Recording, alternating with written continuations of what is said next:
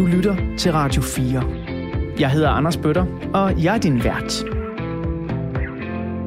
Velkommen tilbage til Portrætalbum her på Radio 4. I den næste time, der skal du lytte til en musikalsk samtale mellem mig og ugens gæst, Two Track. Han har valgt albumet The White Album af The Beatles til at tegne et portræt af ham som menneske og musiker.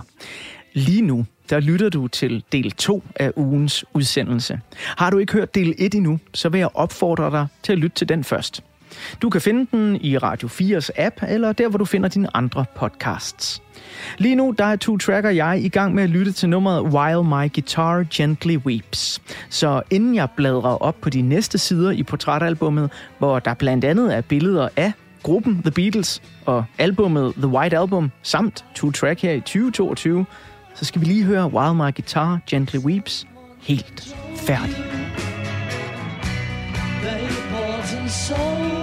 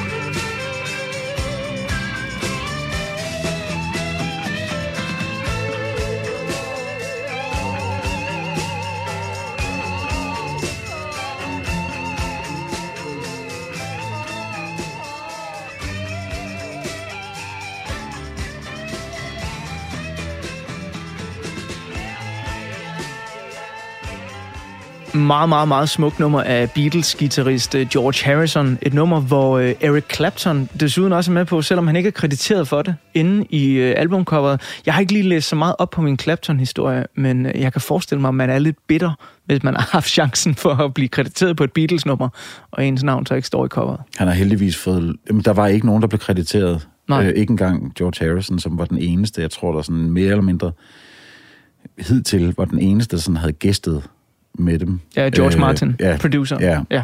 Øh, men han har jo fået... Altså, han er jo kommet til sådan genmæle senere hen. Ja. Øh, men, men jeg tror, processen og nummeret blev reddet af, at George Harrison tog sin gode ven med, fordi der var ikke nogen, der tog den seriøst. Nej.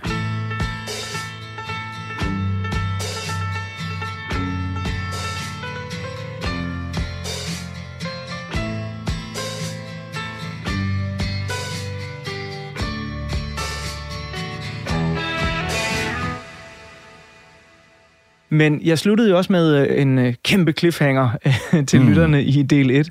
Ved, øh, vi skal jo lige have historien om os, hvordan du går fra at hedde Anders og dyrke ting som Public Enemy og De La Soul i slutningen af 80'erne, samtidig med, at du knus elsker The Beatles' White Album, og så til at hedde Two Track. Hvad er historien bag det? Altså i virkeligheden, så, så, øh, så, så hed jeg jo, og det hedder jeg stadigvæk, Anders. Men jeg havde også et øh, seriøst hiphop-navn, kunstnernavn, der var øh, DJ Rough and Tough. Ja, undskyld, men... Og det, og det var jo...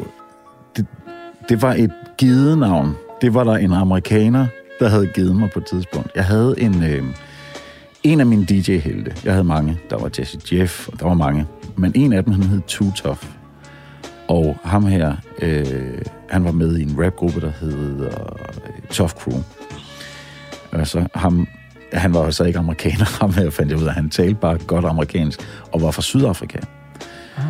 Men han sagde, at jeg var rough and tough. Okay. Og det tog jeg jo til mig. Men problemet var, var bare, hver gang jeg blev spurgt, når man nu du laver det der hiphop, Ja. så har du også et kunstnernavn, og så var jeg... Det havde jeg lidt sådan... tough. Jeg havde lidt, lidt svært ved at, ja. Ja. at sige det. Øh, og for... Øh, bare lige for, for, øh, for the record, som man siger, så var det R-U-F-F apostrof N T-U-F-F. Rough and tough. Rough and tough. Ja, og jeg havde, jeg havde det super svært med det der navn. ja. Det lyder også lidt som en kiks eller et stykke slik. Det, jeg ved ikke, hvad det lyder som, øh, det det er. Men i hvert fald, øh, det der skete var, at en dag, der modtog min storebror og jeg et kassettebånd ind i posten.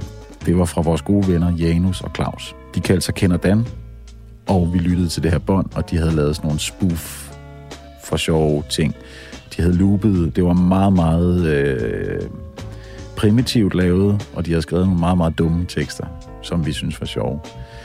Øh, der var et nummer som Frit Fyn, og øh, Vi er Hardcore, og øh, Oh, jeg vil have dig, som faktisk var en coverversion af, øh, hvad hedder det nummer? Hedder det I'm Gonna Do You? Hedder det det med øh, Jungle Brothers, som faktisk senere blev til en stor del af P-Girl. Malte Coyne. Mange, mange, mange, mange det år ja, senere. det er jo ja, 30 år senere. Ja.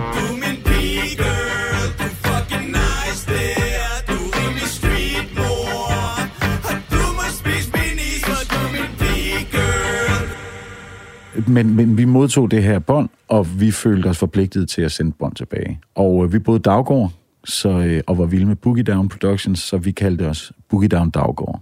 Der kom jeg op med navnet Two Track, og så det er ikke totalet som, men altså two, jo, men ikke skrevet som total, men T-W-O, Two Track, mm-hmm. fordi jeg var begyndt at være øh, bevidst omkring i den der snævre produktion igennem firespors båndoptager, at du havde, øh, altså et stereospor var jo faktisk i virkeligheden to spor.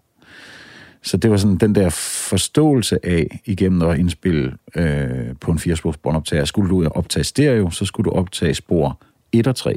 Så fik du stereo og panede dem ud. 2 og 4 hang sammen. Panede dem ud. Men hvis du bare op på et, så var det jo mono. Så det var hele den der, det der ordspil omkring to spor, øh, to øjne, to næsebor, to arme, to ben, og så videre. To sten. Jeg kom styrtende hjem fra, jeg tog bussen hjem til Daggård og løb ind, og min storebror var kommet hjem fra gymnasiet, eller hvad han nu gik på i, ind i Vejle, og sagde, okay, jeg skal hedde Two Track. Og så i stedet for at tage det der Two, så tog jeg det, det knækkede jeg det, og tog det danske navn, Tue, i stedet for. Hvor gammel var du der? Jamen, der har jeg jo så været, i, det var i 88, 16. 88 er vildt Og over min for dig. storebror blev så Marnie Mand. Så det, det, var, han, det var meget hurtigt, det kom efter. Hvis du er two track, så er jeg Marnie Mand. Og så var det ligesom... Og så sendte vi et bånd tilbage. De ting kom til at hedde prot med tiden. Sådan nogle ting, hvor vi bare lavede noget for sjov. Sider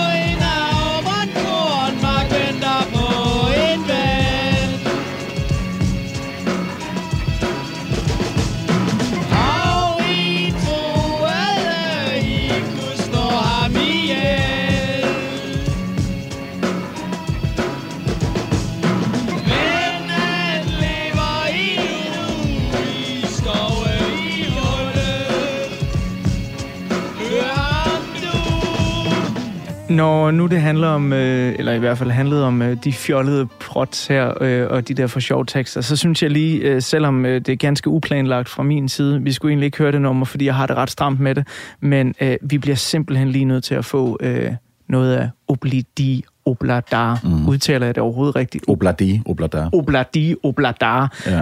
Whatever the fuck it means. Ja. den kommer her.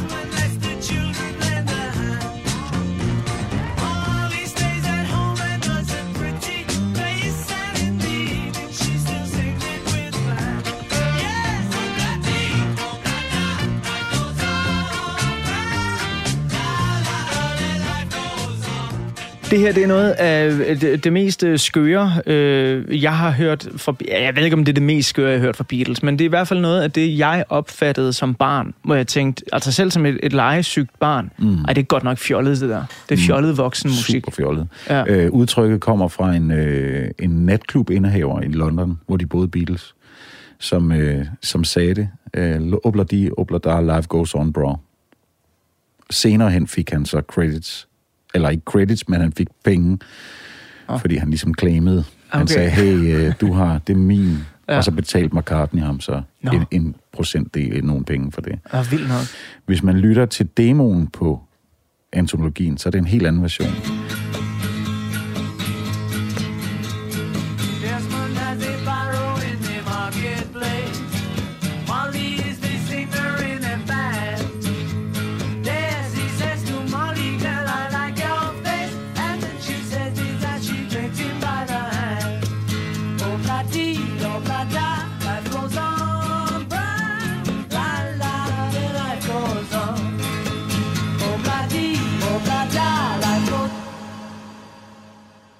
Og skartingen, den der spiller piano på det her nummer, er faktisk John Lennon.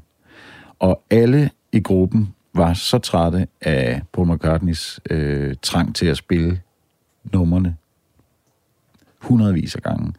Så han øh, i frustration begyndte han at spille den der fjollede intro, og begyndte at spille skar klaver. Og så der ramte de nerven af, hvad nummeret blev til. Hvilket er ret pudsigt, ikke? At det er frustration, det er kommet ud af, og så kommer der noget ultrafjollet. som nummeret jo nogle gange er. Men det er ikke desto mindre, er det, det er ikke et dårligt nummer, det er bare et irriterende nummer. Sygt irriterende nummer. Ja. Det er det virkelig. Vi har jo nu øh, i den her uges øh, portrætalbum været godt og grundigt nede i slutningen af 80'erne, hvor øh, du øh, flytter fra dit barndomshjem, og øh, du øh, begynder virkelig at få øjnene op for hiphoppen, der jo også eksploderer der. Du begynder at lave det selv, du begynder at optræde selv. Du Mm. får navnet Two Track, mm. som øh, nok er det navn, de fleste kender dig under den dag i dag. Mm. Øhm, og hvis jeg bladrer op på den næste side af portrætalbummet her, så er der et billede af manden, der sidder overfor mig nu. Mm-hmm. Two Track 2022. Mm-hmm. Hvem er Two Track i 2022? sjovt nok, så tænker jeg måske på en eller anden måde gerne vil være meget af den samme, som jeg var dengang. Det var, det var der, hvor jeg oplevede mange ting første gang.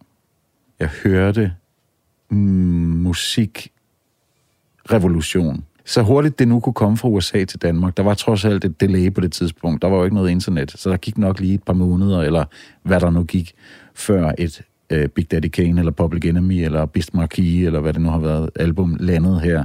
Men sådan ret imens det skete. Altså, jeg vil gerne være den, jeg er i dag, min voksne jeg, mit voksne, mit voksne jeg med min familie. Men, men, men nysgerrigheden og den der tilgang øh, til musik, lejende tilgang, det er den, jeg prøver at bibeholde i alt, hvad jeg gør, så det er ikke... Jeg har svært ved at tage mig selv alt for seriøst. Jeg bliver selvfølgelig nødt til det en gang imellem, men jeg har aldrig set mig selv som en seriøs øh, musikstjerne, eller hvad man nu skal kalde det. Øh, det vil jeg helt frabede mig at være.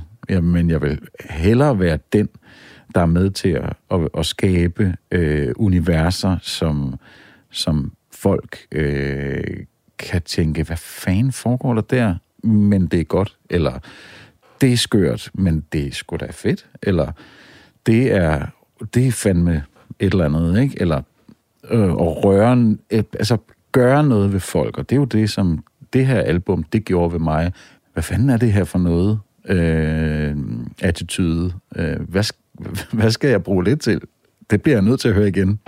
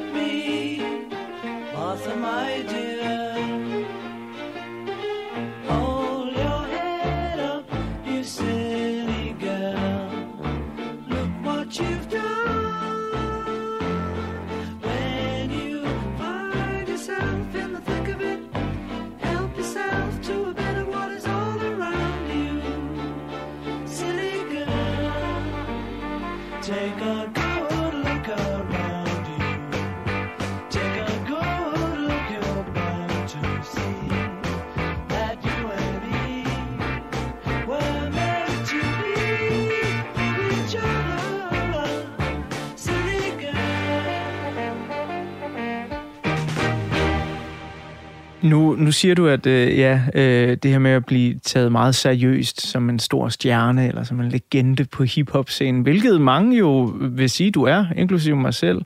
Men hvordan har du det så med at deltage i sådan noget som det her, som jo er et forholdsvis seriøst øh, format, hvor vi sidder og snakker om dig, din opvækst, øh, din inspiration fra The White Album? Det har jeg det fint med, jeg, fordi jeg taler om musik.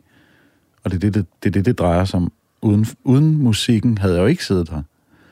Så det er det, jeg taler om. Det er ikke mig. Jo, selvfølgelig min historie gennem musikken, men jeg håber, folk kan decifrere, at det i bund og grund ikke handler om mig, men en knægt, som kunne være hvem som helst, som gik igennem nogle oplevelser sammen med nogle venner, og pludselig så, øh, så skete der det, og så skete der det. Og det, det er jo det, der jeg synes, der er interessant ved, ved musik. Altså, du, du nævnte NWA tidligere, og når jeg ser filmen Straight Outta Compton, så bliver jeg fyldt med vemmelse, fordi jeg synes, jeg synes det er en stor fed løgn i, i, i, i, i, i det lys, som...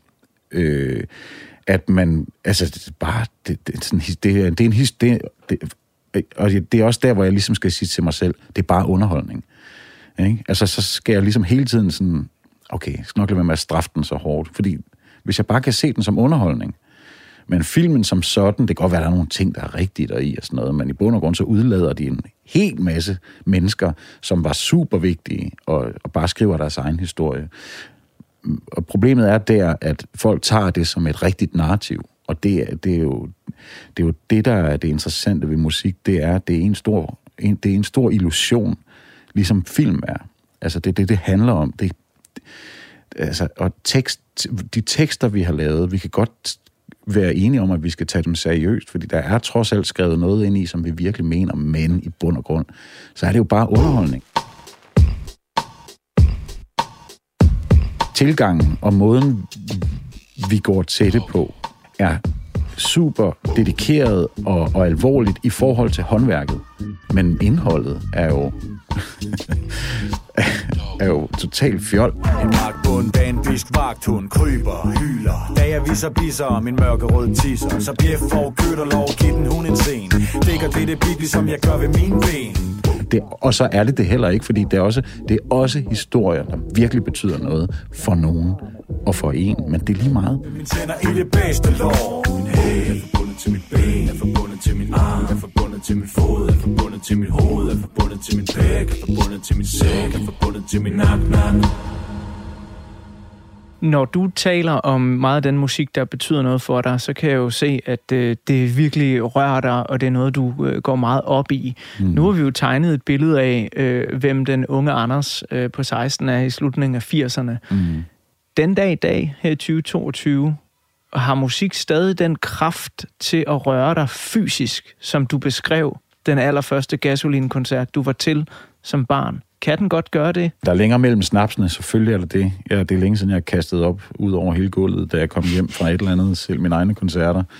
Men, øh, men det er okay, fordi nu har jeg selv øh, været igennem alt muligt, og jeg har også fundet ud af, hvad jeg synes, der er fedt, og hvad jeg synes, der ikke er fedt.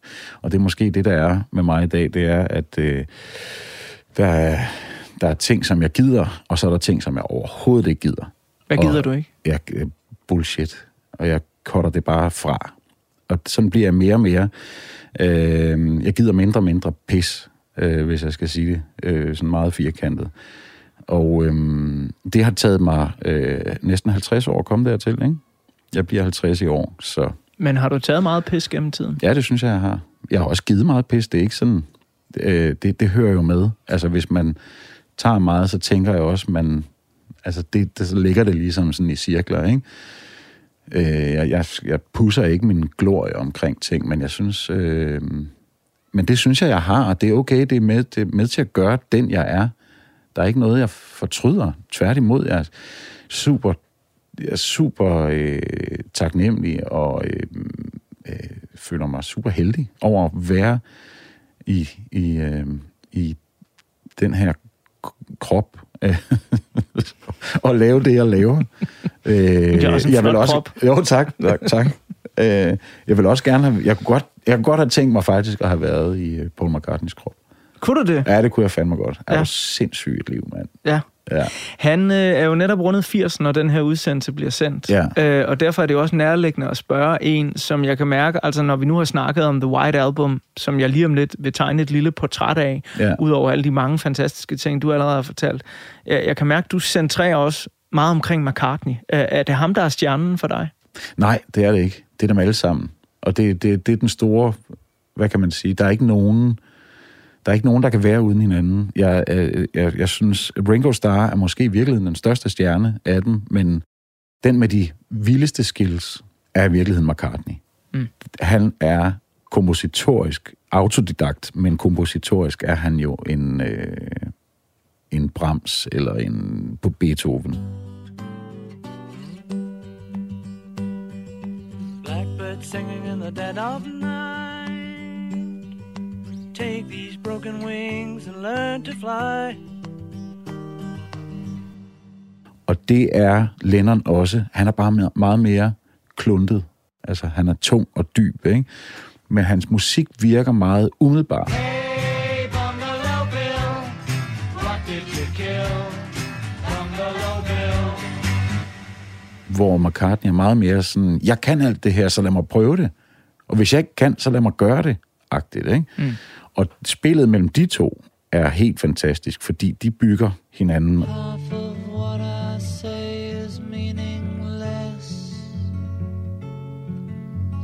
But I say it just to reach you, Julia. Julia. Julia.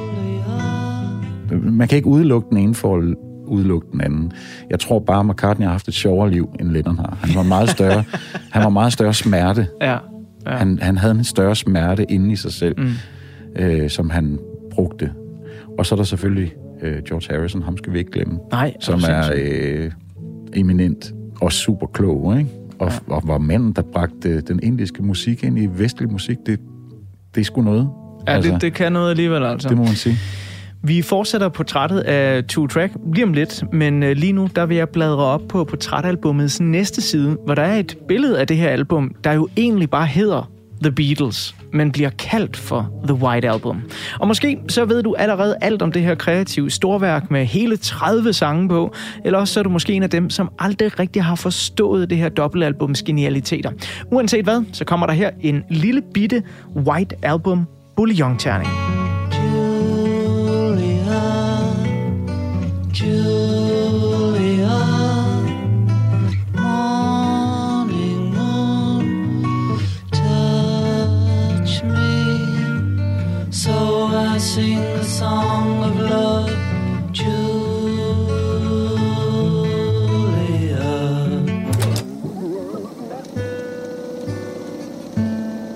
The White Album står på flere måder i skærende kontrast til de Beatles-albums, der gik forud. Hvor Sgt. Pepper-albummet havde et voldsomt spraglet cover fyldt med historiske personer i flower power farver, så er The White Album det totalt modsatte. Et helt hvidt cover, der kun bliver brudt af teksten The Beatles, som står sådan lidt tilfældigt skråt på forsiden, i øvrigt også med hvid skrift. Bagsiden af albummet er helt hvidt, og i 1968, der virker det altså som et galt bands værk at udsende et dobbeltalbum, hvor der ikke er et eneste billede af bandet uden på omslaget. Der er ikke en eneste sangtitel uden på omslaget, og ikke engang et klistermærke, hvor der for eksempel står inklusiv hitsinglen bla bla bla. Det var ganske enkelt banebrydende coverdesign med lige så banebrydende musik i mange forskellige genrer.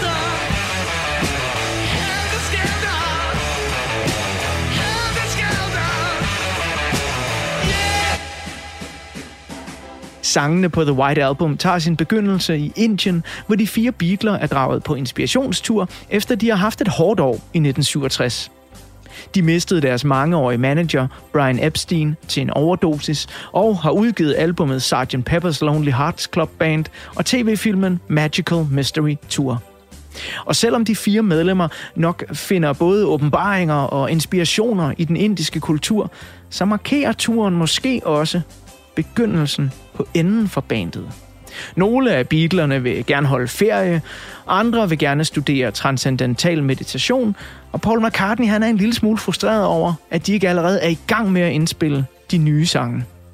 Så selvom eftertiden har mytologiseret Beatles tur til Indien, så var det i virkeligheden nok ikke nødvendigvis, hvad gruppen havde brug for, for at styrke forholdet imellem de fire musketerer. I'm so tired. I haven't slept a wink. I'm so tired. Da The Beatles vender retur fra Indien, påbegynder de indspillingerne til The White Album. Men det er som om, at tingene ikke helt går, som de plejer. For selvom sangene altid har været skrevet af de forskellige bandmedlemmer med Lennon og McCartney som de største bidragsydere, jamen så er numrene oftest også blevet indspillet sammen, alle fire i samme rum. Det ændrer sig markant på The White Album, hvor især Paul McCartney indspiller flere sange uden de andre bandmedlemmers tilstedeværelse. Why don't we do it in the road? Why don't we do it in the road? Men de forskellige bandmedlemmers solorit er ikke det eneste, der skaber uro under optagelserne. Den mangeårige Beatles-producer Sir George Martin mener ikke, at de 30 sange har høj nok kvalitet, og han vil gerne skrotte en del af dem, og i stedet for udgive et album med 10-15 numre på.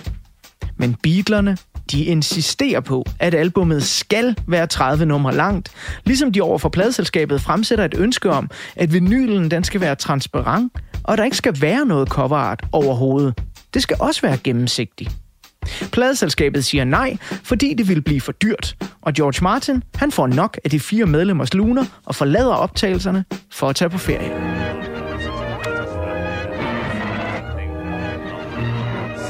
Og George Martin er faktisk ikke den eneste, der forlader indspilningerne i den periode. For The Beatles bliver på en måde et nyt medlem rigere og en trommeslager fattigere. John Lennon bryder nemlig den gamle musketæred om, at der ikke må være andre end The Beatles og deres producer til stede i indspilningsstudiet. Det sker, da han tager sin nye kæreste, Yoko Ono, med til mange af indspilningerne. Det giver ifølge de andre Beatler en underlig stemning i den ellers tidligere så sammentømrede gruppe. Og helt bagerst i lokalet sidder trommeslager Ringo Starr og har det rigtig skidt. Han føler ikke, at han spiller spændende nok, og at de tre andre er langt bedre musikere end ham. Desuden så modtager han også en hel del kritik fra Paul McCartney, der gerne vil tage numrene om igen og igen og igen, og også påpeger Ringos til tider manglende kreativitet i sit trommespil. Og den kritik og de følelser, som Ringo går rundt med, ender faktisk med at give det udfald, at Ringo forlader The Beatles, og flere af numrene på White Album er indspillet som en trio. I hate to see you go, don't pass me by.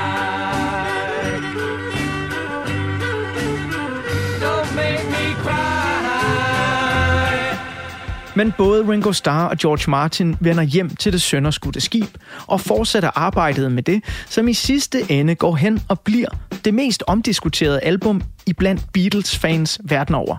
For er det en styrke, eller er det en svaghed, at albummet viser de fire Beatles individuelle soloidéer så tydeligt? Og er det for langt? Eller er det helt perfekt med 30 numre? Og er det plat, eller er det helt genialt, at The Beatles refererer til sig selv og deres egne værker på småskøer sange, så som for eksempel Glass Onion. I told you about strawberry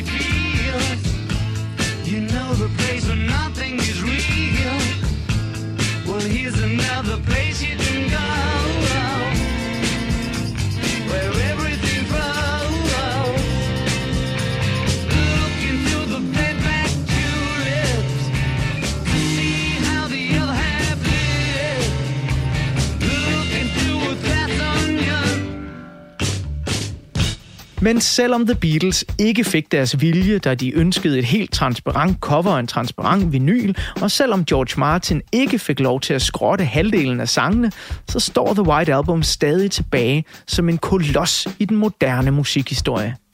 Og selvom der allerede var vedvarende rygter i musikbladene om, at The Beatles var kreativt drænet og måske var på vej til opløsning, så formåede The White Album alligevel at blive det mest solgte Beatles-album nogensinde i både USA og Storbritannien. Og et af de numre fra albummet, som stadig står stærkt den dag i dag, det er et af de numre, som ugens gæst her på Trætalbum, Two Track, han har udvalgt. Det her er Happiness is a Warm Gun. She's not a girl who misses much. Du -du -du -du -du. Oh, yeah. With the touch of the velvet hand, like a lizard on a window pane.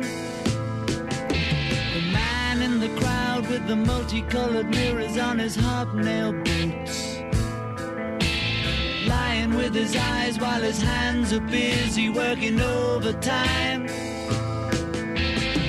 A soap impression of his wife, which he ate and donated to the National Trust.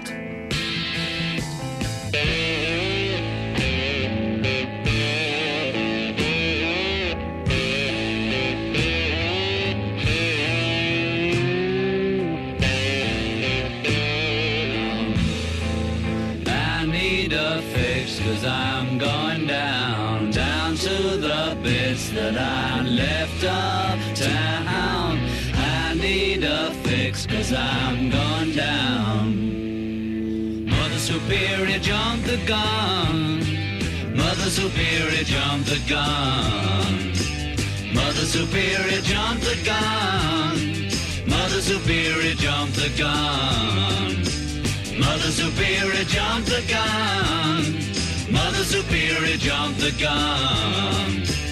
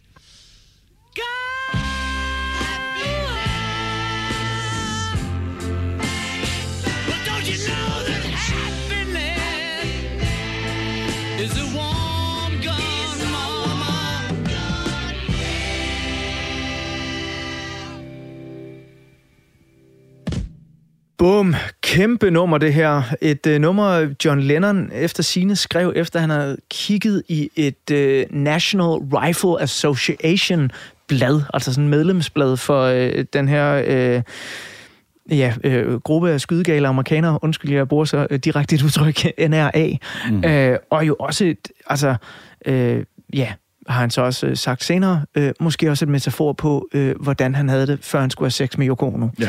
Øh, happiness is a warm gun. Ja, men Øh, jeg tror må- faktisk mere Mother, Mother, Mother Superior jump, jump the gun, ja, ikke? ja var, lige øh, præcis. Hvorfor er ja. det her et af, af dine Beatles favoritnummer? Det, der er ved det, det er, at det er i virkeligheden tre sange, der er skrevet sammen. Det er tre forskellige idéer af hans egne, som han har skrevet sammen. Det gør, at nummeret bliver klippet op i tre forskellige stykker, så det starter som sådan en næsten heroin tung, øh, altså en haze af, af noget, der er virkelig øh, smertefuldt. She's not a girl who misses much.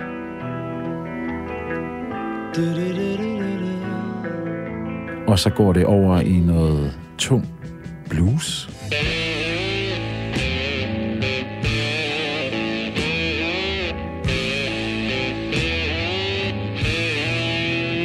Og så går det nærmest over i noget doo-wop til sidst.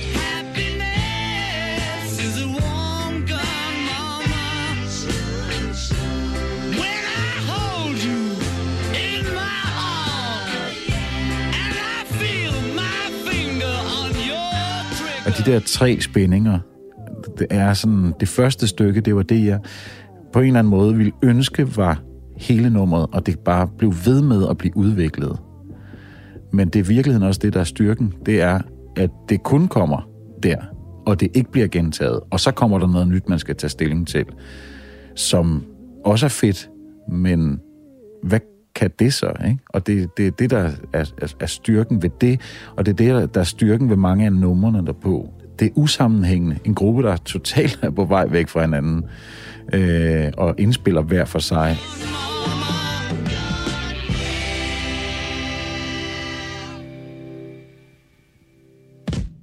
Jeg er jo vildt fascineret over at finde ud af det her faktum med, at coveret til The White Album og selve vinylen bare skulle have været helt transparent. Ja. Fordi jeg synes, der er et eller andet transparent over albummet. Ja. Altså, det er vel sådan...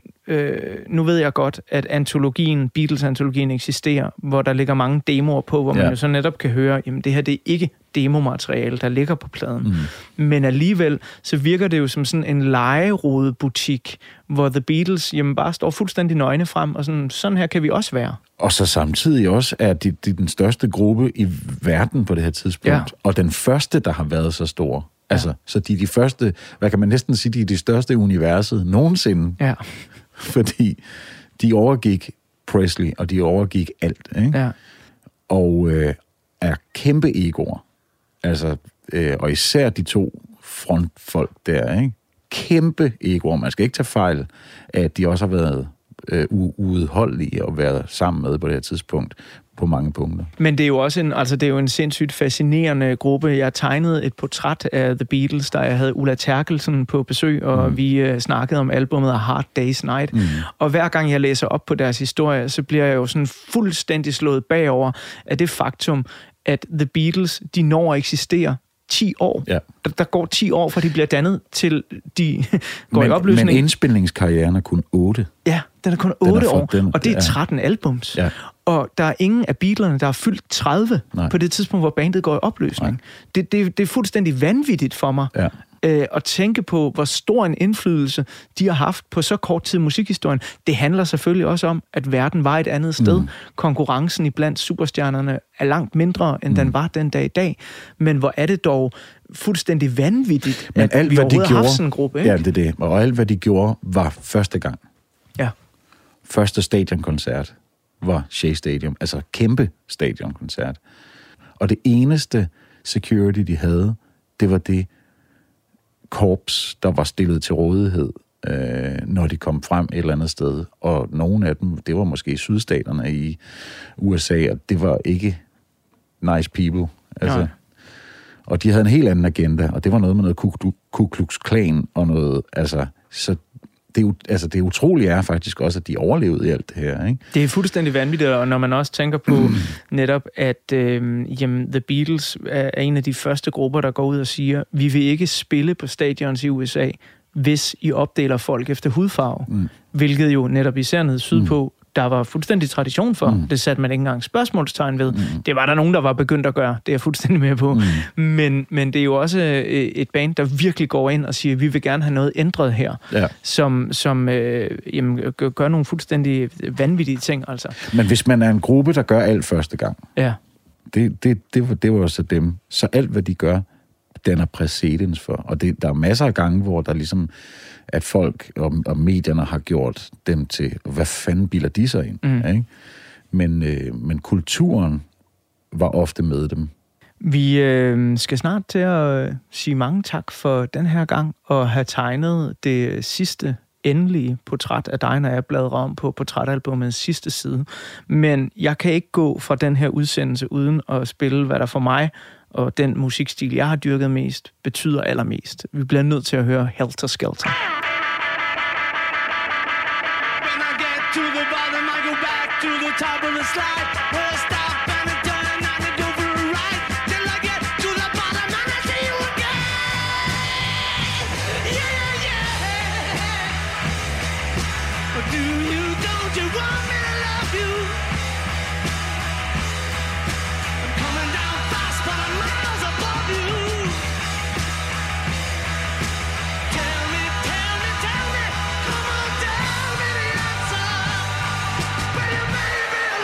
You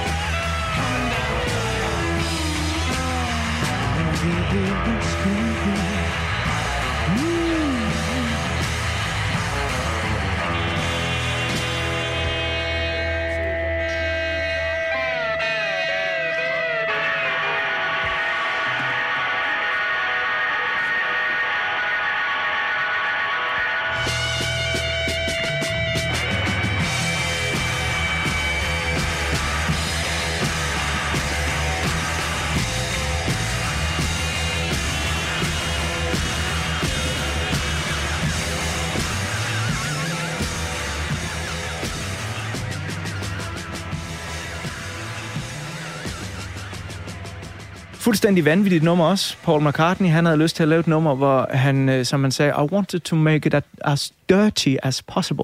Det skulle Han, være han, havde, beskidt. han havde hørt uh, Pete Townsend Ja. tale om et uh, nummer, som han havde lavet i sin gruppe, The Who, Ja. som var uh, det mest støjende nummer. Han havde ikke hørt det selv, men han tænkte, altså Paul McCartney havde ikke selv hørt det, men han tænkte, jeg vil lave noget, der støjer mere.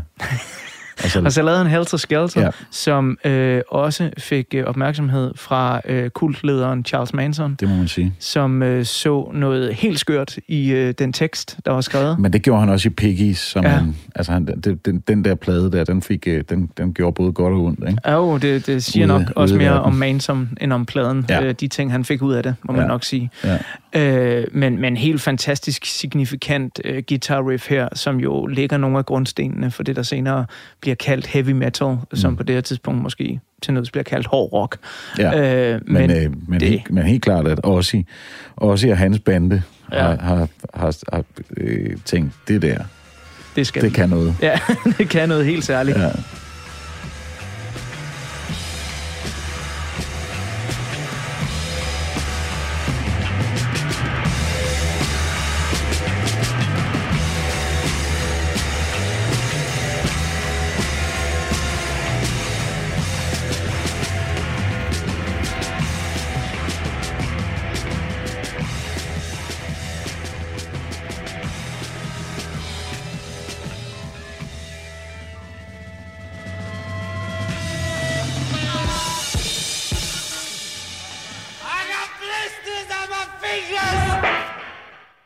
Two track. Øh, vi skal bladre op på øh, den øh, sidste side af portrætalbummet, og vi har jo fået tegnet et billede af dig som øh, et legesygt menneske, der øh, stadigvæk kigger tilbage på knægten øh, fra 1988, mm. der fandt hiphoppen, og du vil stadigvæk gerne være en, der øh, gør folk glad med noget af det, du laver, mm. og beholde din legesyge, mm. hvilket jeg synes er enormt øh, prisværdigt. Men på den sidste side her på portrætalbummet, der er vi nået til vejs ende, øh, og det betyder, at der er et øh, billede af din begravelse. Mm. Der er... Så vi har sådan et, øh, øh, et øh, øjeblik med, hvad hedder det, ligesom øh, Ben Fabricius Bjerre skal mm. gøre status over sit liv. Præcis. Det, det er det, der sker nu. Wow. Øh, men prøv at høre, der er jo gæster her på Trætalbum, øh, der har en meget klart defineret øh, sådan idé om, jeg skal herfra på den og den måde, det skal ske sådan og sådan.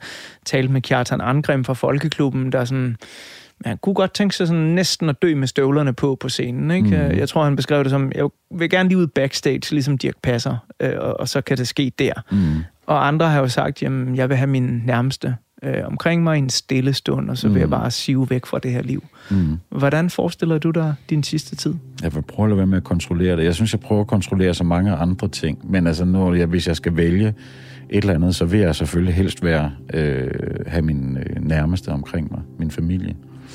Øh, og kunne nå og, og lige give et par ord omkring et eller andet, sådan sige, lad være med at tage det så tungt. Og så sørge for at holde en ordentlig fest. Øh, det, altså det, det synes jeg, jeg synes, den skal, øh, min begravelse, hvis det skulle være det, så skulle det, så skulle det være en, en, øh, en, en festdag. Øh, med masser af musik, og øh, ja, altså hvor man bare hylder, øh, ikke, ikke mig, ikke min musik, bare musik, bare god musik. Altså, Skulle det være liveband eller DJ? whatever, whatever, øh, helst det hele, alle sammen. Alle genre. Ikke, på, ikke oven i hinanden, men, øh, men, men skiftevis. Øhm, så hvis det kunne være, hvis jeg kunne få lov til at bestemme det og, og tilrettelægge det, hvilket jeg, det, det føler jeg mig slet ikke vigtig nok til i den her verden at være berettiget til, så, så skulle det være sådan. Men så sidder jeg jo og skriver et eller andet øh, manus, og det har jeg ikke rigtig lyst til. Jeg, jeg vil helst have, at jeg ikke kan kontrollere, hvad der sker. Men hvis jeg nu skal sige det, så, øh, så synes jeg da, at der skal være en ordentlig fest. Må, øh, må, må folk gerne øh, græde meget og, og, og vise de, de store triste følelser, eller skal, skal vi helst lade champagnepropperne springe? Nej, de skal gøre, hvad de har lyst til, tænker jeg. Det, det, altså, de, de begravelser, jeg har været til. Der er et eller andet i det der med måden, man sender det afsted i kirken. Er der noget... Hvis jeg skulle sætte det over på et eller andet, så sådan en, en New Orleans begravelse, at der er noget meget tungt, meget vemodigt, øh, følelsesladet musik. det er der, hvor folk kan få grædt ud. Jeg synes, det må godt indeholde altså hele cirklen. Eller, men når der ligesom er sådan, der skal være punktum på det, slut, færdig, nu er han skudt i rummet, eller hvad fanden det nu er, jeg bliver brændt forhåbentlig, ikke? så skal der danses på graven. Altså, men øhm, det ved jeg ikke, det er jo, det er jo ude af mine hænder, der er jeg jo væk. Skulle du forlade verden, før jeg gør, øh, nu ikke helt jævnaldrende, men tæt på, Mhm. mm-hmm. så vil jeg love dig, at jeg vil gerne komme og danse på din grav. Ja, tak. Fedt. Ja.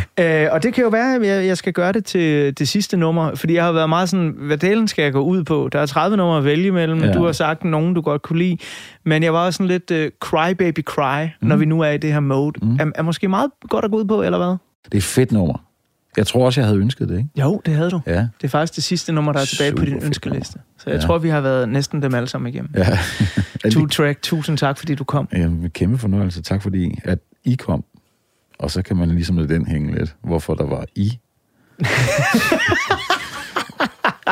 Og her sidder min fantastiske Somi Ninja ved siden af, Ja.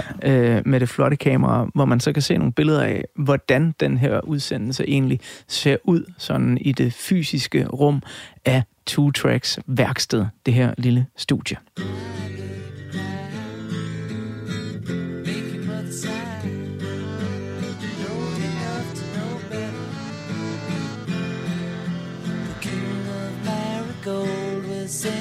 Kitchen cooking breakfast for the queen.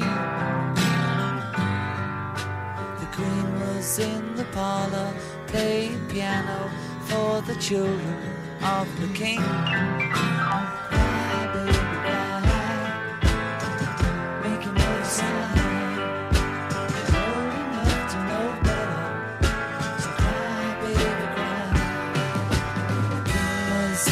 Old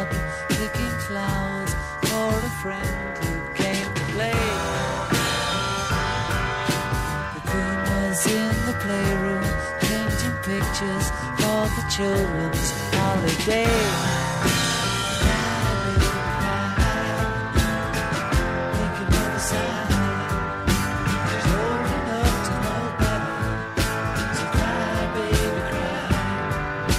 The Duchess of Kikordi, always smiling and arriving late for tea.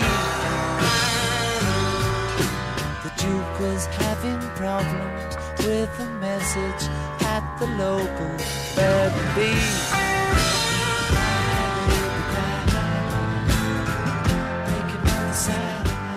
På portrætalbumets sidste side, der står der som altid, at portrætalbum er produceret af Tiny Media for Radio 4.